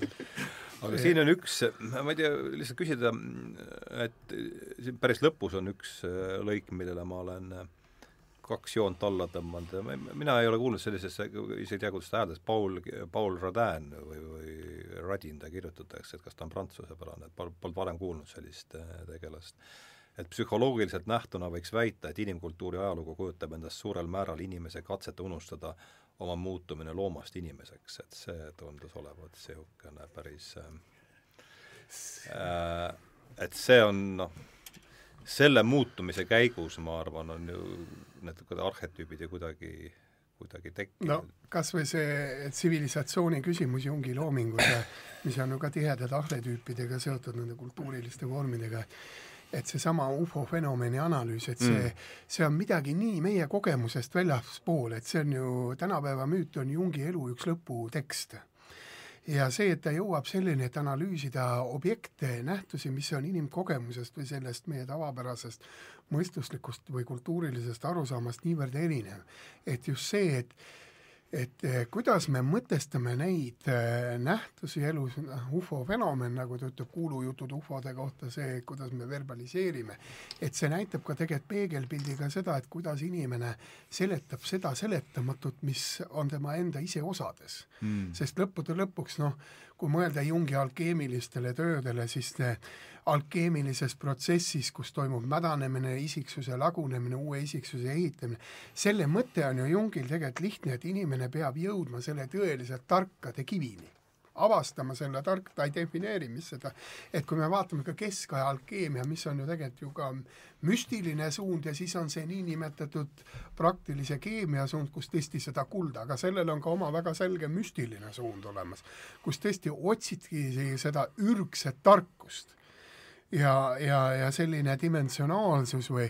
ja et eh, noh, neid äh, alkeemilisi töid ei ole eesti keelde vist üldse jõudnud Jungilt, et aga just see alkeemiline protsess kui isiksuse arenguprotsess, isiksuse arengust ja see arengu mõiste üldse, et mis on areng, isiksuse areng ja ja kuidas me üldse arengut defineerime, et näiteks Jung ju väga selgelt distantseerub ennast ju darwinistlikust arengu mõistest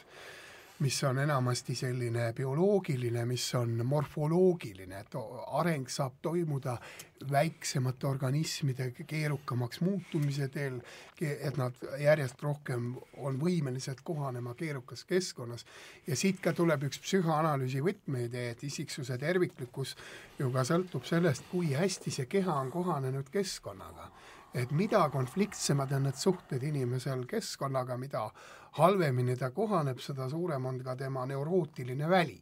et ta elab ju seda välja, seesama Jungi varjumõiste, et kui me mõtleme ahretüüpide, seesama tekst pärineb ju kogutud teoste väljaandest, mis ka kannabki ahretüübid ja kollektiivne alateadvus, siis see kollektiivne alateadvus on selgelt kultuuriline ja see isiksus ju toimib kultuuris. et see ei ole ainult seotud, tihedalt seotud sellega, et mina arenen, las siis teised olla seal, kus teised on, aga, aga isiksusega koos areneb ka alati kultuuriline mõõde jungiaanlikus maailmas. et äh, neid ei saa nagu välja kuidagi võtta ma tooks siin nagu natuke selle dimensiooni veel natukene suuremaks, et siin on nagu kaks kohta, et üks on siis meie nii-öelda individuaalne areng, mis on hästi oluline ja mis siis peaks lõppema individuatsiooniga, iseendaks saamisega, kus me toimime iseendast olemuselt, ja teine areng on siis tegelikult ka seesama inimkonna areng, nii-öelda kultuuriline areng, mis siis mulle väga meeldib, kuidas Terence McKenna seda ütles, et kui ta hakkas kuskil viisteist või kakskümmend tuhat või viiskümmend tuhat aastat tagasi tule kodustamisega ja ja vähehaaval siis tööriistade tegemisega ja siis linnade ehitamisega ja ja lõpuks on jõudnud siin arvutite ja ja selle nii-öelda body painting'i ja kus me praegusel hetkel oma kogu kultuuriga oleme jõudnud, ja see võib öelda nii, et eh, nagu ta ütles, et me oleme sellel ajal loodusest omamoodi eraldunud, et me oleme kogu aeg teinud seda, mida loodus muidu ei teeks. et kuni inimene leiutas tule, olid kõik protsessid, ütleme, ilma sellise tahte poolt esile kutsumata, alates sellest oleme me kogu aeg nii-öelda tahtega oma ümbruskonda kogu aeg muutunud mm., mis tähendab seda, et me oleme eraldunud. ja vastavalt tema teooriale on see, et see eraldumine on nüüd jõudnud praegusel hetkel kriitilise piirini, kus toimub nii-öelda mingisugune kvantitatiivne üleminek, ehk talle meeldis seda sõnastada nii, et inimkond siseneb sünnikanalisse ja alles inimkond hakkab alles sündima, et me oleme alles embrüonaalses seisundis. nii et kui me vaatame nagu, tõmbame selle pildi hästi suureks, siis kõik see, mis praegusel hetkel on, on võib-olla inimkonna jaoks alles algusetapp ja mulle selline mõtteviis muidugi väga-väga eh, meeldib. või kuna, või kui Aljan Tudam kunagi ütles, et kui vaadata tsivilisatsioonide ajalugu, siis me näeme, et see on eelkõige teaduse ja tehnika arengulugu et mis on pidevalt edasi arenenud, on teadus ja tehnika, aga on hävinud ju terved tsivilisatsioonid, keeled, inimese areng väga tihti sinna alla ei mahu mm, -hmm. sest seda on palju keerulisem määratleda, või isiksuse arengut, aga, aga selles mõttes müstiline kogemus just sellesama eetilise dimensiooniga ka tegeleb, et need ei ole ju välistatud. see haakub minu arust selle mõttega autorit, keda me käsitlesime siin eelmises saates, John Gray't, et kui teaduses ja tehnikas on progress kumulatiivne, siis eetikas ja, ja, ja poliitikas ei ole ta kumulatiivne, et me tegeleme järjest-järjest samade, samade küsimustega. no ma mõtlen, et näiteks Jungi varjumõiste, mis noh, tema loomingus on väga tihedalt seotud üksikisikuga, seda on nüüd laiendanud ka lääne traumauurijad riikidele ja ühiskondadele mm., sest me näeme, kuidas see varjumõiste näiteks ajaloo mõtestamisel, kus terved inimkollektiivid, näiteks kui me mõtleme sõda, Jung ütleb, et sõda on ju kõige hullem kollektiivne varjuväljendus. kuidas see ajaloos kogu aeg kordub, sõja tsüklilisus, see näitab ju ka inimloomuse ajaloost midagi. Aga et see, et me, et neid jungiaanlikke mõisteid saab ka ajalooprotsessi ja ajaloo nähtuste seletamisel kasutada, kas või needsamad kollektiivsed kuriteod, mille eest ju keegi ei taha vastutada kunagi, on väga tihedalt läbi põimutud just sellise varjumõistega ja arhetüüpe ei saaks üldse analüüsida ilma Jungi varjumõisteta ja Jung, ilma Jungi teoloogiata ja, ja Jung muidugi ka oma isiksuse psühholoogias ja teoloogias väga selgelt rõhutab, et et ikkagi selle inimese mõõtme annab ka teatud sellise Jumala kogemuse tajumine. et me peame jätma Jumalale tema salapära analüüsides, aga me peame ka endale jätma iseenda salapära, et et tema meetodid ei eh, paku seda lahendust, et me saame alati lõplikult kõike ära lahendada, et seesama küsimus Hiiobist ja seesama teos Küsimus Hiiobist on ju küsimus teodiikest, et ka sellisest teatud elu absurdsusest, mida inimelu paratamatult ümbritseb. defineerime siin jällegi raadiokuulajatele teodiike mõiste et eh, teodiike on mõiste, millega eelkõige see on kurja, kurja mõist-, püüda seletada kurja mõistuslike vahenditega, et see on kurja paradoks, et kas kuri on,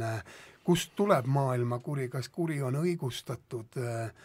ja kurja sellised eh, väljendused, et mis on kurjus, et Jung näiteks tegeles ka kurjaga, kurja mõistega, et see, on ju varju üks osa, eks see saatan ja millest me täna üldse ei ole saanud vestelda, on ju Jungi anima ja animus. mis on ju ka, mis tuleb ju täpselt samamoodi Jungi teoloogiast, mitte Jungi isiksuse psühholoogia. sest Jung pani tähele, olles kristlikust perest, ühte dominanti lääne kultuurist. et siin me näeme ka seda, et Jung on suurepärane kultuurianalüütik, et ta ei ole ka ainult isiksuse analüütik et lääne kultuuriruumis domineerivad mehelikud kategooriad, et hakkas sünteesima kristlikku maailmapilti, et kui me mõtleme Jumala, Jumalale, pühale vaimule, Jeesus Kristusele, siis need on kõik mehelikud energiaväljendused. aga kus on kadunud see niinimetatud teine pool ehk naiselik energia pool? ja siis ta avastas, ta on ka öelnud oma ühes kirjas, et see on üks tema elu tähtsamaid päevi, Maarja, Maarja ülestõusmispüha. et sel, sealt ta saigi sellise ilmutuse, et lääne kultuur on väga ühekülgne, väga mehelik, rõhutab mehelikke maskuliinseid väärtusi ja sealt ka tema selline isiksuse teooria, et need et kui inimeses ainult domineerivad ühepoolsed sellised soo, soolised väljendused, ka psühholoogilised, siis see inimene ei ole tervik, sest Jungi teoorias ikkagi peab saama ise tervikuks. Vastasel juhul kõik see muu asi on selline kõrvaline tema teoorias, aga ise tervik, ise osade terviklikkus, sealt tekibki selline jõudmine tõelise tarkuseni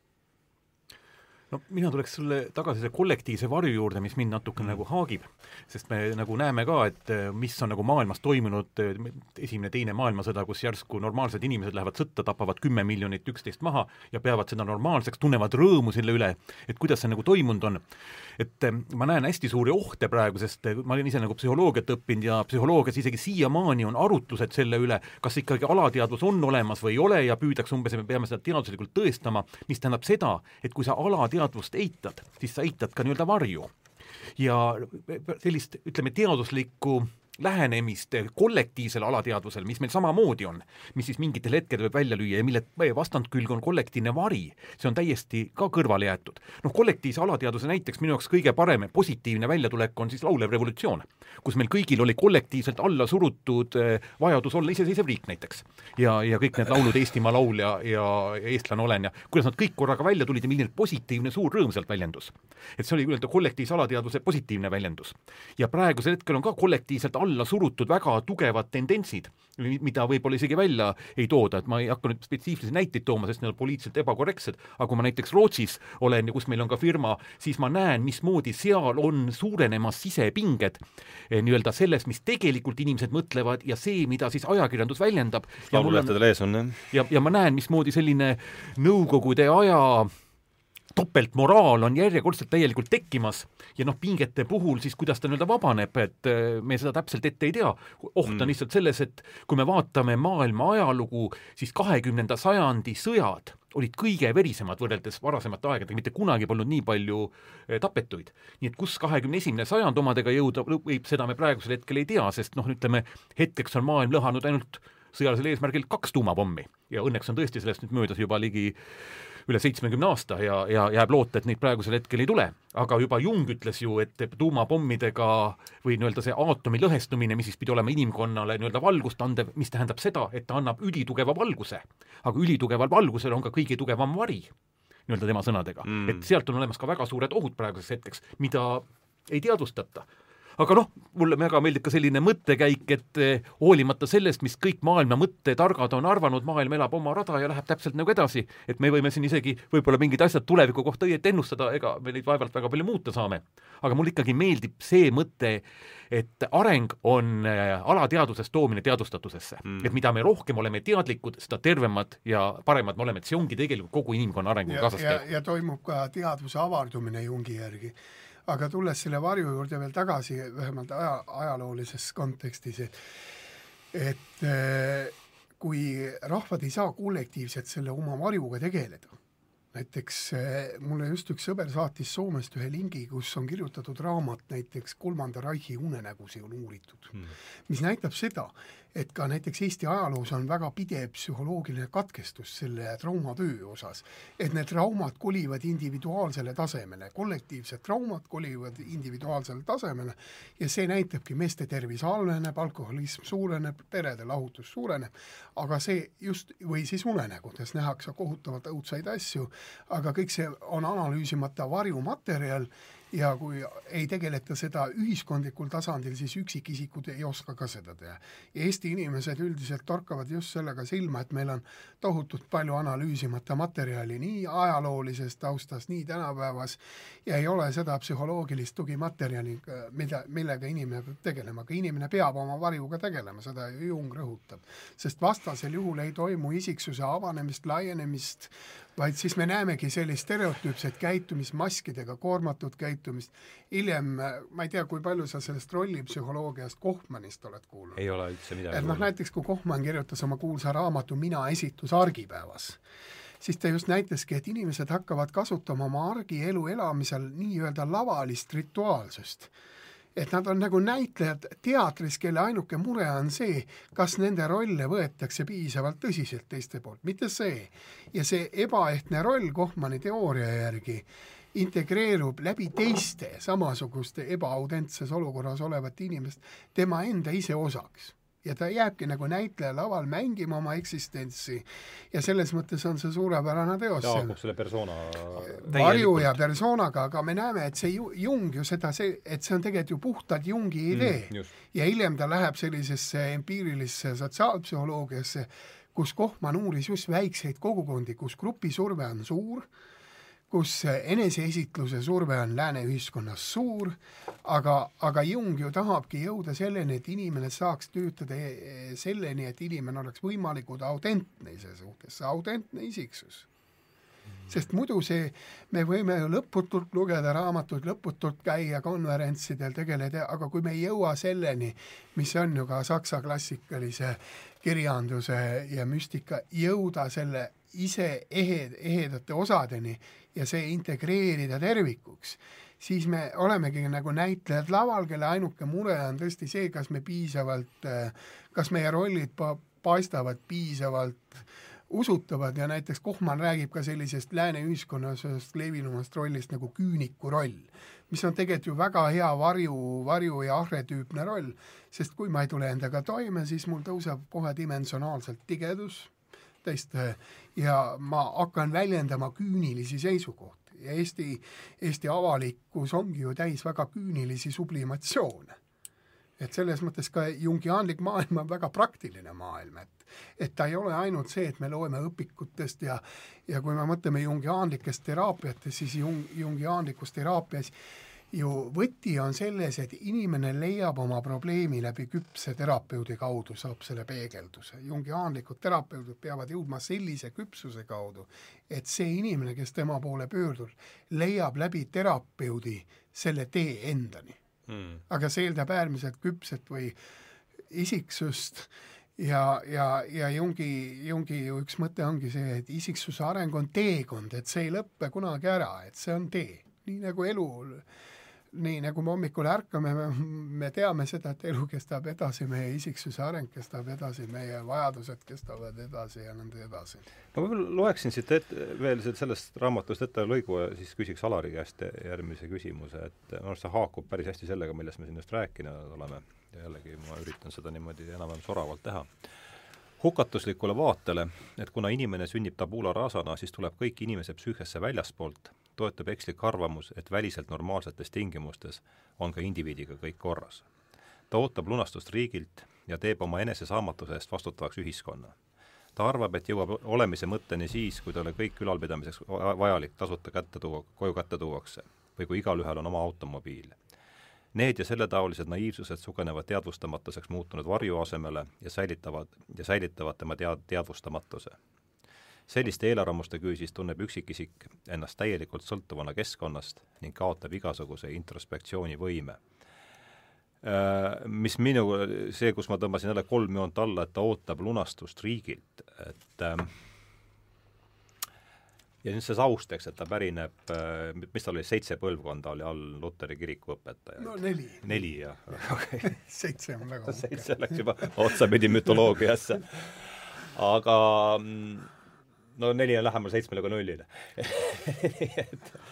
Et, et võtaks sellesama lunastuse mõiste, mis äh, äh, kuidas me justkui heidame ta kohe kõrvale, et ta on niisugune mambotš, mingi niisugune mm, religioosne mambo-tšambo, aga aga kuidas ja, ja mulle see väga meeldib, ma ei oska, ma ei ole kindel, et ma nüüd saan selle küsimuse väga hästi sõnastada, aga mulle see see, et inimene ootab lunastust riigilt, keskmine inimene praegu, see tundub olevat minu meelest noh, täiesti äh, naelapea pihta löödud aga et mis on see, see ikkagi, et kuidas sa, kuidas sina, Alar, mõistaksid seda, seda lauset, et meie inimene ootab lunastust riigilt? No ja, ja siis läheme Ivariga edasi. see minu jaoks haakub muidugi kõigepealt nii-öelda Freudiga ehk isa kujuga, et me ootame, et keegi lahendaks ära meie probleemid, on see siis riik või ettevõte või direktor, et me ei taha nagu ise vastutust võtta. ühest küljest on küll hästi loomulik see, et inimesed, ütleme et inimesed elavad grupis ja inimene on kollektiivne loom ja tänu kollektiivile meil on kõik see, mis meil on, noh, kui me vaatame kas või seda ruumi, eks ole, ükski inimene seda mikrofoni ei suuda teha. nii et see on hästi-hästi loomulik, aga küsimus on just selles, et igaüks, noh, see läheb natuke, võib-olla natuke üle teooriasse, valesse kohta, aga igaüks peaks andma oma maksimaalse panuse selleks. et me ei saa kunagi midagi oodata enne, kui midagi nii-öelda anname. et minu arust üks elureegel on see, et, et anna ja ära oota vastu ja alles siis midagi nii-öelda hakkab nagu tekkima. et eh, ta, seesama, et me ootame lunastust riigil, Eh, on minu jaoks eh, meie praeguse, ma nimetan järjest neurootilisemaks muutuva ühiskonna üks sümptom. et eh, see on nii-öelda väga keeruline öelda, sest kuidagi ei tahaks nagu ise ka sellega nõus olla, aga tundub, et kollektiivne selline meie ühiskond on haige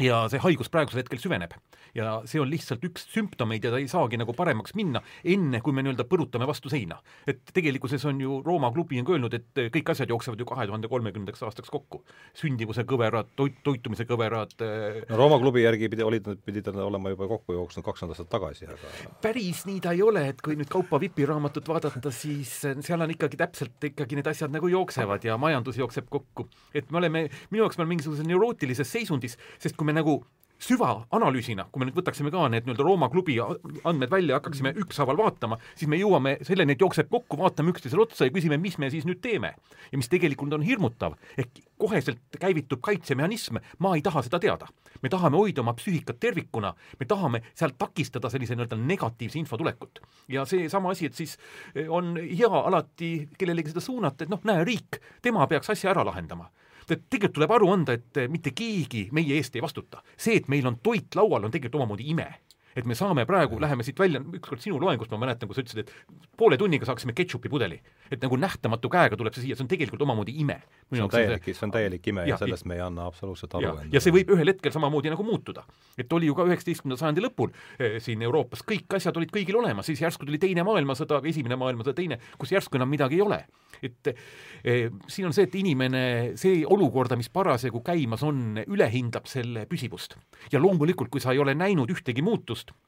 tänapäeva noored, siis nad ei saagi ette kujutada midagi, et ainult iPhone'id saavadki edasi areneda. see, et ma siin neljakümne viie minuti pärast saan tellida takso ja takso tulebki, see on minu arust, võib, kvalifitseerub küll müstilise kogemusena, kui seda, kui seda, kui jah, kui seda, kui seda õigesti vaadata, et aga ole hea, Ivar, sina, et äh, võtame see lunastuse, et ja, üritame seda kuidagi raadiokuulajatele kõigepealt selgitada selle no, Jungil on ju ka lunaste arhetüüp täiesti olemas, aga ma tulen selle juurde tagasi, et see haakub Jungi religiooni või Jungi, jungiaanliku teoloogiaga, et see lõik, mida sa ette lugesid, on ju selge näide sellest, et Jung ju usub seda, et inimene vajab kõrgemat dimensiooni mm. oma elus. ja see, kui ta lükkab välja siis niinimetatud need teoloogilised põhimõisted, siis ta asendab selle tsiviilreligiooni rituaalidega et see, see ju see mõte seal ongi. aga kuna noh, Jung on näiteks öelnud väga huvitavalt, et ta on äh, kui tema praktilist tööd äh, natuke analüüsida, et kui tema juurde tulid inimesed, seal olid katoliiklased ja protestandid ja ja ta ütles, et protestandid on psüühiliselt katkisemad kui katoliiklased, sest nendel säili-, katoliiklastel on kohus-, säilinud usuelus pihisakrament, mis on ju klassikaline psühhoanalüüsi tehnika mm. -hmm. ja ta ütles nii, et ta, Jung oli ju selline, kes ta ei võtnud ennem klienti vastu, kui võttis, siis ütles, et pöörduge kõigepealt oma preestrite poole ja ta on kirjutanud, et hiljem väga vähe tuli tagasi et minge kõigepealt oma hingehoidja juurde ja siis, kui te abi ei saa, tulge tagasi. ja ta ju ka koolitas eh, katoliike preestreid. ja just seesama, et neid religioosseid fenomene või kogem-, neid kõrgemaid fenomene, neid ei saa ratsionaal-, noh, Jung ütleb ka väga selgelt, et lääne inimene on nii-öelda vangistatud äärmuslikku ratsionalismi ja see on teinud ta haigeks, tema psüühika haigeks ja sealt see mõte ongi, et et inimese psüühika vaesub, kui tal ei ole neid kõrgemaid mõõtmeid. kas see on religioosne kogemus, sest äh, tahes-tahtmata inimene tegeleb ka, kui ta tegeleb kõrgemate religioossete väärtustega või entiteetidega, siis ta tegeleb ka millegi sellega, mis on temast kõrgem ja ta näeb ka seal teatud eeskuju, see imago dei ju, see vana arhetüübi mõiste, see ongi see, et inimene tajub enda sees seda jumala pilti, et inimene võib ka jumalaks saada teatud mõ-,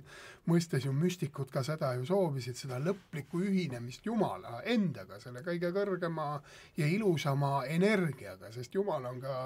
Jungi loomingus ju energia, selline lõplikult ilus, puhas, puhastav energia. aga aga ateistlikud tsivilisatsioonid on ka kõik tihti totalitaarsed miskipärast, me näeme seda mm. -hmm. et tihti me ei vii seda pilti kokku. ja nad ei paku sest see enam, kõrgemaks, viimaseks kõrgemaks instantsiks jääb ainult riik. võimalikult madalale sellisele olemise, eksisteerimise kõige madal, nii nagu Nõukogude Liidus põhimõtteliselt ju isiksuse areng ei olnudki võimalik, sest kõik oli tehtud ainult et ateistlikud süsteemid viivad inimese sellise noh, teatud mõttes pideva ebaõnnetundeni. ja hoiavad neid ka pidevalt sealt, kas need ängid ja raevud ja üksteises, et need ei ole õnnelikud ühiskonnad, ei indiviidi tasandil ega ühiskonna tasandil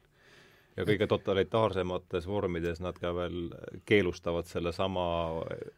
rahulolematuse tunde, eks, igasuguse väljend-, väljenduse, väljendusvormi. no ja, ja selles mõttes Jung väga hindab äh, kõrgemaid religioosseid väärtusi, et ei eita ta,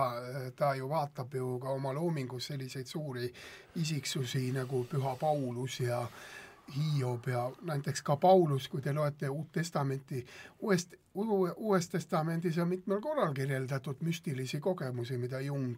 teravalt, kui Paulus räägib, et ta tõmmati kolmanda taevani, aga ta ei saa rääkida sellest, mis ta nägi. või teatud algosade muteerumisel tekib uus maailm ja need on ju kõik kujundlikud pildid sellest, mida ju keeleliselt väljendada ei saa ja Jung ei võta seda just ta räägib sellest äärmuslikust ratsionalismist, et meie kogu see eksistents, kui see toimib ainult sellise aju ja intellekti tasemel, et siis ta ei ole terviklik ja, ja, ja selles mõttes ka Jung ei usu progressi või teaduslikku progressi, et teadus nüüd annab ka kõik vastused, et me siin mõõdame isikuomadusi, nagu me autos rääkisime. et isiksuse psühholoogia, jah, ta mõõdab dimensionaalseid omadusi, aga mis vastuse ta annab sellele kujunevale isiksusele, mida hakkab inimene peale selle teadmisega, et isiksuse osa koosneb viiest osast, neurootiline, mida ta praktiliselt sellega peale hakkab? Mis on selle väljund, kuidas, kuidas ta saab seda kui oma töövahendit, sest need Jungi põhimõisted on ju tegelikult isiksuse töövahendid, vari ja need on töövahendid. Need ei ole teoreetilised abstraktsioonid ma jah, täiendaks, et siin on nüüd, nimetame siin nii-öelda vaimse maailma olemasolu ja ja mis on nii-öelda kultuuris domineeriv, siis mulle lihtsalt meeldis, meenus see raamat, sa nüüd aitad mind, see on see Sorokini raamat, oli see Nüüdismaailma kriis, kus siis eh, toob välja, et eh, ilma ühegi kahtluseta on praegusel hetkel maailma nii-öelda ühiskond ülemineku etapis ja seal on nagu välja toodud neli etappi, mis on suurt nagu olnud, et inimkond on siis kõikunud materialismi ja vaimse maailmavaate vahel ja ta toob välja, ütleme, vaimne maailmavaate, mis eeldab kõrgema jõu või mingisugust olemasolu. ja ta toob välja, et praegune lääne ühiskond, mis on siis nii-öelda kultuuriliselt alla käinud kakssada aastat juba, et siin on nagu sisemiste vastuolude lõttu me paratamatult eh, lendame tükkideks ja siit kasvab välja uus ühiskonnakord. ja ta toob välja väga huvitavalt, eh, kõigepealt noh, ütleme muusikast, et praegusel hetkel, kui me vaatame, mis muusika on, eks ole, põmm-põmm ja võrdleme seda Mozartiga, siis ta ütleb isegi, et, et sellist muusikat enam ei ole ju kunagi loodud. ja ta kirjutab, mismoodi isegi Beethoven ja kõik teised on Mozartist nõrgemad. või ka kirjanduses, et üheksateistkümnenda sajandi klassikud eh,, Shakespeare'i taos, taoseid teoseid ei ole ka kirjel-, kirjutatud. et kuidas nagu üldine allakäik on praegu käimas et me oleme nii-öelda tegelikkuses selle järgi ülemineku etapis. ja kui me läheme nagu üksikisiku peale, selle neurootilisuse peale, siis on ju selgelt tunnetatav, mismoodi meile antakse kogu aeg mingi ühiskonna poolt sõnum, et äkki ma ei ole piisav, et ma peaks midagi tegema, midagi olema, kust hakkab pihta pinge et inimene ei saa toimida oma sisemise olemuse järgi, ennast nagu arendada, ta peab ennast kohanduma kogu aeg väliskeskkonnale. ja kui nii-öelda pinge tekib, mis tähendab seda, et informatsioon psüühikas ei liigu enam vabalt ja, ja tekivad nii-öelda tõrked, kohad seal, ja siis on nii-öelda, hakkavad käivituma kaitsemehhanismid, et nende tõrgetega hakkama saada ja hakkabki see nii-öelda kompleksne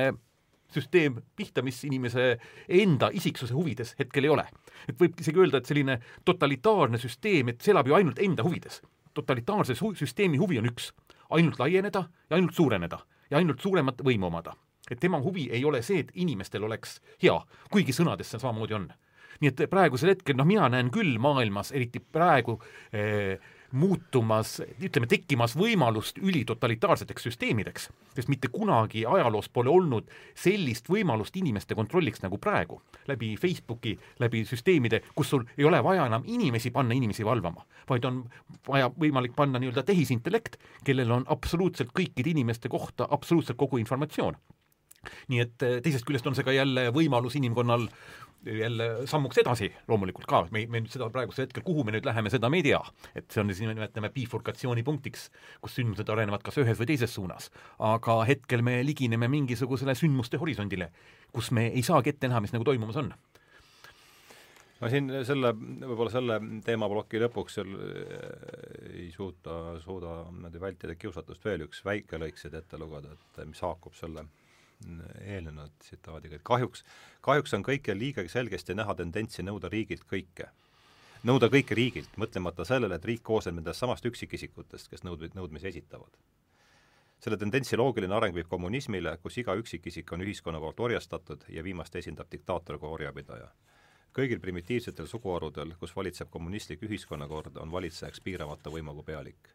Kommunistlik riik pole midagi muud kui absoluutne monarhia, kus pole riigi alamaid, vaid üksnes pärisorjad. nii et see no see on ka põhjus, miks Nõukogude Liidus Jungi kõigest väest tõrjuti ja erifondist isegi kätte ei saadud. aga, aga selle Alari viimase mõtte juurde tagasi tulles, et et miskipärast tõesti akadeemiline ajaloofilosoofia püüab igal juhul vältida seda niinimetatud tsüklilise ajaloo teooriat ja, ja kui me mõtleme, ka Jungil on ju olemas kosmiliste tsüklite teooria, et see tsivilisatsioon on teatud kaheaastaste tsüklitega, siis ta lõpeb või kõrgemad eluvormid kaovad ära, see on nii Rene Gounonil, aga, aga kui me vaatame seda tõesti, et mida see kollektiivne teadvus või milleks on ju ka ajalugu, et mida see toodab, et just hiljaaegu ma lugesin ühte tunnete ajalugu käsitlevat teost, Barbara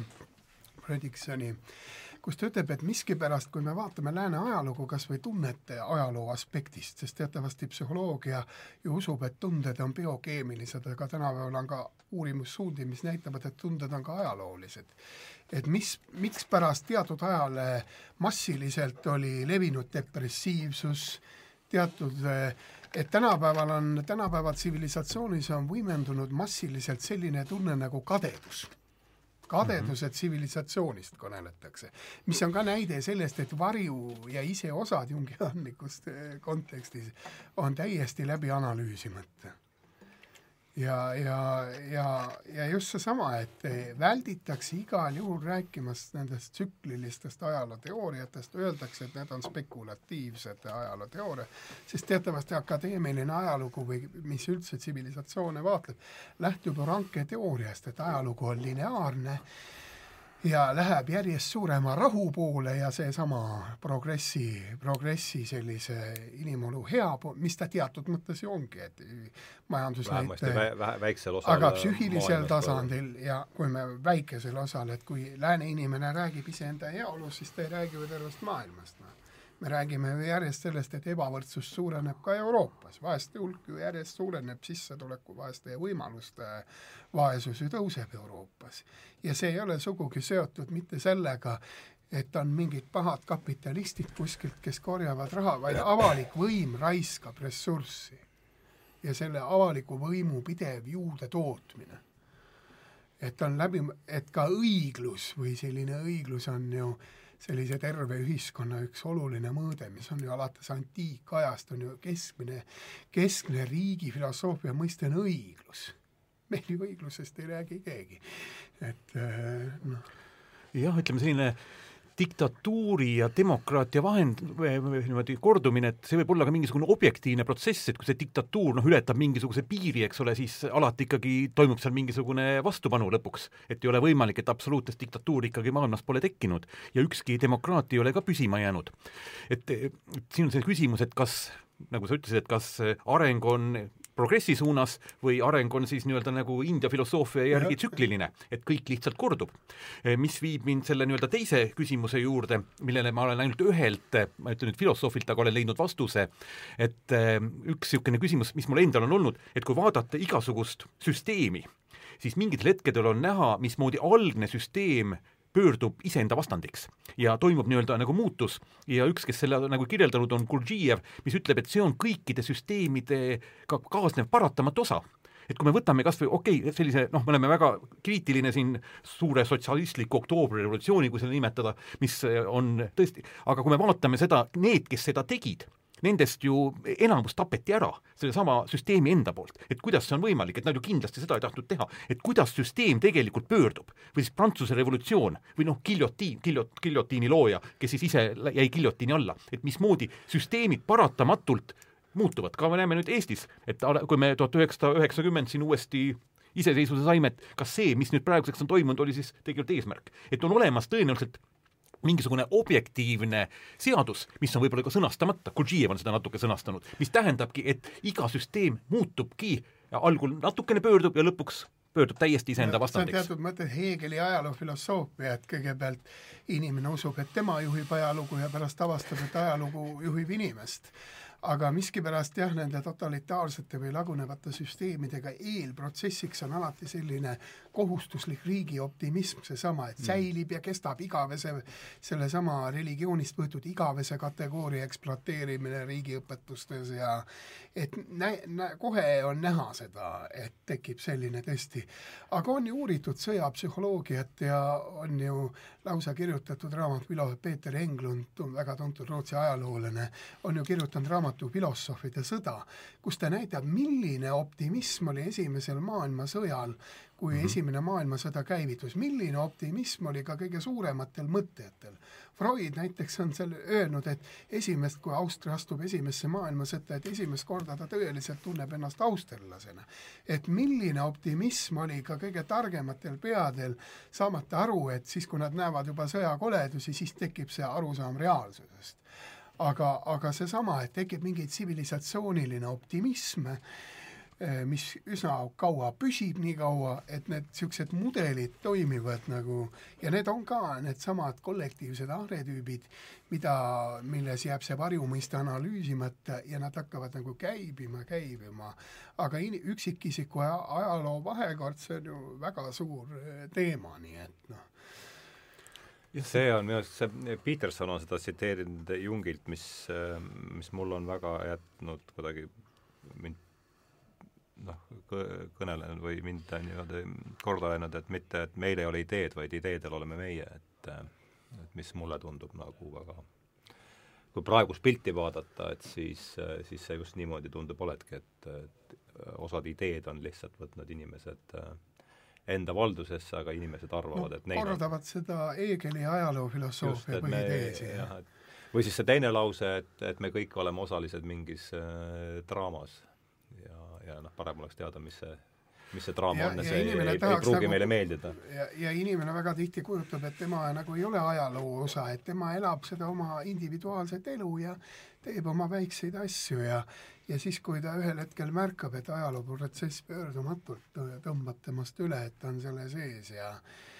ja, ja nõnda edasi, et ega see on ka üks põhjus, miks äh, nii-öelda peaks inimene iseendaga tegema, tegelema, et Jung on ju välja toonud, et need mõtted ja arvamused, mis inimesel on, ei ole temast endast. Ja ta on välja toonud, ütleme, kaks kohta, kus need on pärit. et esimene on muidugi lapsepõlvest, et noh, vanematelt äh, alateadlikult, mis sellel hetkel omastatakse, mida peetakse pärast iseenda omadeks, ja teine on siis kultuurist, ühiskonnast, nii-öelda ümbruskonnaaeg või nii nagu Goethe ütles, et ainult vähesed suudavad oma ümbruskonnast ja saitkastist välja minna ja näha seda nii-öelda suurt pilti et see on see, mis meid tegelikult nagu mõjutab. ja nii-öelda ideede koha pealt see läheb ju täpselt kokku meemidega, et Susan Blackmore'i nii-öelda meemiraamat, mis on eesti keeles ja Susan Blackmore on ka sügisel Eestisse tulemas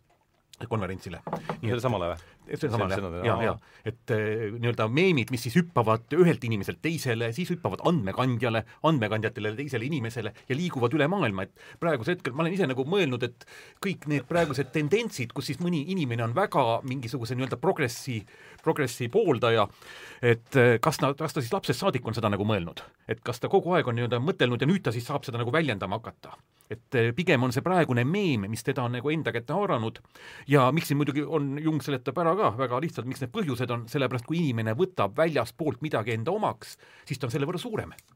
ja see nii-öelda paneb selle isiksuse osaks ja tunneb ennast väga hästi. mikspärast liitutakse poliitiliste parteidega? sest siis samastamine grupiga. jaa, sest siis sa saad mingid ideed omaks ja sul on tugi taga ja mida kirglikumalt inimene neid ideid kaitseb, seda tõenäolisem on see, et ta tegelikkuses mingi osa alateadvusest seda ei usu. et kui vaadata ka kollektiivis praegusel hetkel, et see nii-öelda see sõtta minek, eks ole, üheks, kahekümne sajandi algul, et see oli nii-öelda kollektiivse teadvuse osa. aga kollektiivse teadvuse all on ju kollektiivne alateadvus ja see on täielikult kõrvale surutud. ja kuidas kollektiivsest alateadvusest midagi teada saada, on see, kui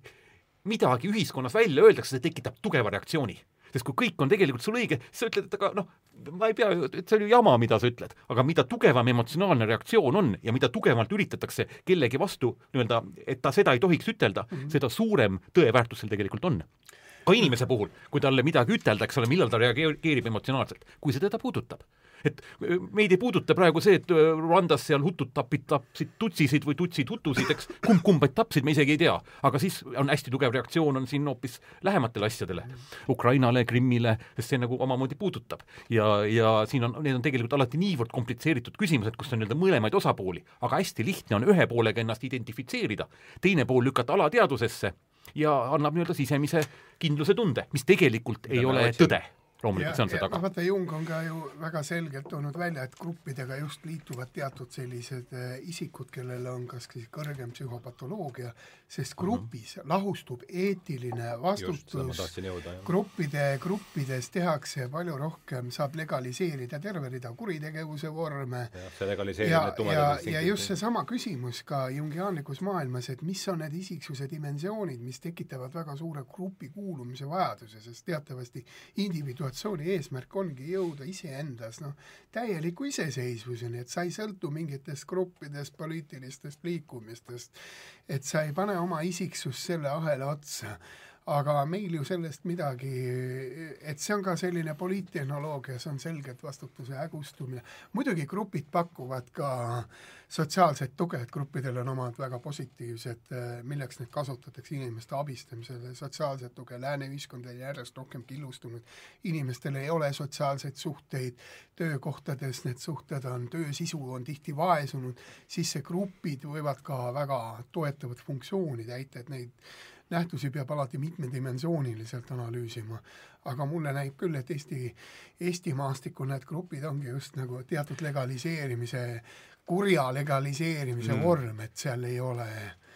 sest kui me mõtleme ka müstikuid, nad tulid ju kõik kloostritest ja nendest gruppidest välja, et saada see isekogemus kõigepealt üksi, see ei tähenda, et nad said mingid ühiskonna marginaalid või asotsiaalid, vaid et saada, aga kui lääne inimene, kes on kogu aeg sotsiaalsete gruppidega seotud, ta on koolis, ta on kodus, tal tihti puudubki see individuatsiooni kogemus, mida tähendab üksi vaadelda ennast. Et kogu aeg tekib selline sõltuvuslik suhete muster noh, ja nõnda võib edasi mõelda no gruppide puhul on ju siis kahte sorti gruppe, ühed on siis nii-öelda hierarhilised grupid, kus sa pead ennast täielikult kohanduma ja nii-öelda sinu individuatsioonile töötavad vastu. ja teised on siis tõesti nii-öelda sotsiaalselt toetavad grupid, mis aitavad sul individuatsioonile kaasa mm.. mina ise olen kogenud täiesti erinevalt, on tõesti selline hierarhiline grupp, et eh, niipea kui midagi avaldad arvamust, siis saad, nii et vähed, ole, ole vait, et sind üldse välja ei visataks. ja teisalt ma tean väga hästi, kus ütleme, tekib sünergia, et omavahelises vestluses jõutakse sinna, kuhu inimene üksinda ei jõua, mis annab nii-öelda täiendava tõuke, kus tõesti nii-öelda tekib see grupi, grupi energia üksteisele lisandumine. et see on see, mis on nii-öelda positiivne grupp, mina ütleksin. ja, ja ei, ma räägin, et gruppidel on alati sotsiaalne toe. gruppidel on oma vari loomulikult, sest grupis rahvad on ju ka grupid. grupis just, surutakse just. koos alla ühesuguseid teemasid, mida ei taheta, taheta ja, teada. et see grupipsühholoogia on väga tihedalt tõesti põimitud võimupsühholoogiaga läbi ja aga noh, seesama Peterson, kas tema on midagi kirjutanud ka, oled sa kursis? ma tõlgin ühte tema raamatut just. et tema vastu niivõrd terav reaktsioon on mina vaatasin, ma ei tea, kas see eetrisse läheb, aga et, et ta nagu rahulikult räägib seal, mida on seal noh, õiendada no ta räägib valesid asju valedes, või ütleme, õigesid asju valedes kohtades, ma arvan, et see ja var, see... vari, vari toob ka jungiaanlikkus seesama siltide kleepimise ma-, maania, mis lääne ühiskonnas toimib ja Nõukogude psühholoogias sai see, et see on ka vari, et inimest ei käsitleta isena, vaid mingi sildina, mille taha saab teda ja sildi taga saab teha ju ma ei tea, ma saatsin sulle intervjuu selle jaa, ma ei, seda ei, kahjuks ei jõudnud lugeda. seal me räägime natuke, Alar on lugenud, see küüditamise päeval ERR-i me tegime intervjuu. praegu ei tule ette, aga ja siin on alati jah küsimus, et see miks, miks inimene sildistab, et tegelikult peaks alati küsimuse esitama, et miks ta sildistab, eh, miks ta tahab seda teemat eh, kõrvale lükata. ja see jõuab nii-öelda tegelikult inimese enda alateadvuse juurde välja, sest see, kes sildistab, tema endal on töö endaga, ma ütleks otse, tegemata. või miks no, ta naudib sild... teatud silte, sest sildid võivad olla teatud preemia tähendusega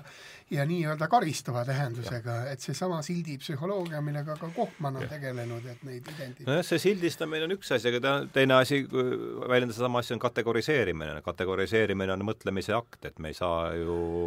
noh, ütleme, sildistamisel on juba mingi niisugune negatiiv emotsionaalne hoiak on juures. juures, eks, aga need on aga täiesti kategori-, kategoriseerimine on ka ju täiesti tavaloogikas. just, et me ei suuda ju mõelda, kui me ja jaot-, antiikdialektikas on täpselt samamoodi kategooria mõiste, see teeb mingi suure mõiste ühikuteks. just. ja, ja mulle tundub, et selle mm, ristikäik sildistamise vastu on ikkagi väga paljudel juhtudel, mis on loomulikult, ka seal on omad varjud ja, ja aga et, et selle, selle varjus, kas siis teadlikult ebateadlikult, toimub ka rünnak üldse igasuguse kategoriseerimise vastu ja seega üldse ka selge mõtlemise vastu, mis minu arvates on, ja see on see tasand, millele ma Peterson on just mm -hmm. juhtinud selle kõige sügavamale ja seal on see täielik mõistete lahustumus, see, mille sa nüüd tõlkinud oled, kus eh, Deleuze'id ja kõik, nende eesmärk ongi ju viia keel sellisele tasemele, et selle keele võime väljendada tähendusi kaob ära. üks selline sk- skolastiline sõna maht, mida sa loed ja sa tunned, et sa ei saa ühestki lausest aru, noh, teatud mõttes pärineb see Hegelilt mm, sest ka tema võiks kümneid lehti, sa loed viiskümmend lehte Hegeli loogikateadust ja sa vangutad pead, sa ei saa mitte millestki aru. on nagu sõnad, aga nad ei tõlgi tähendust.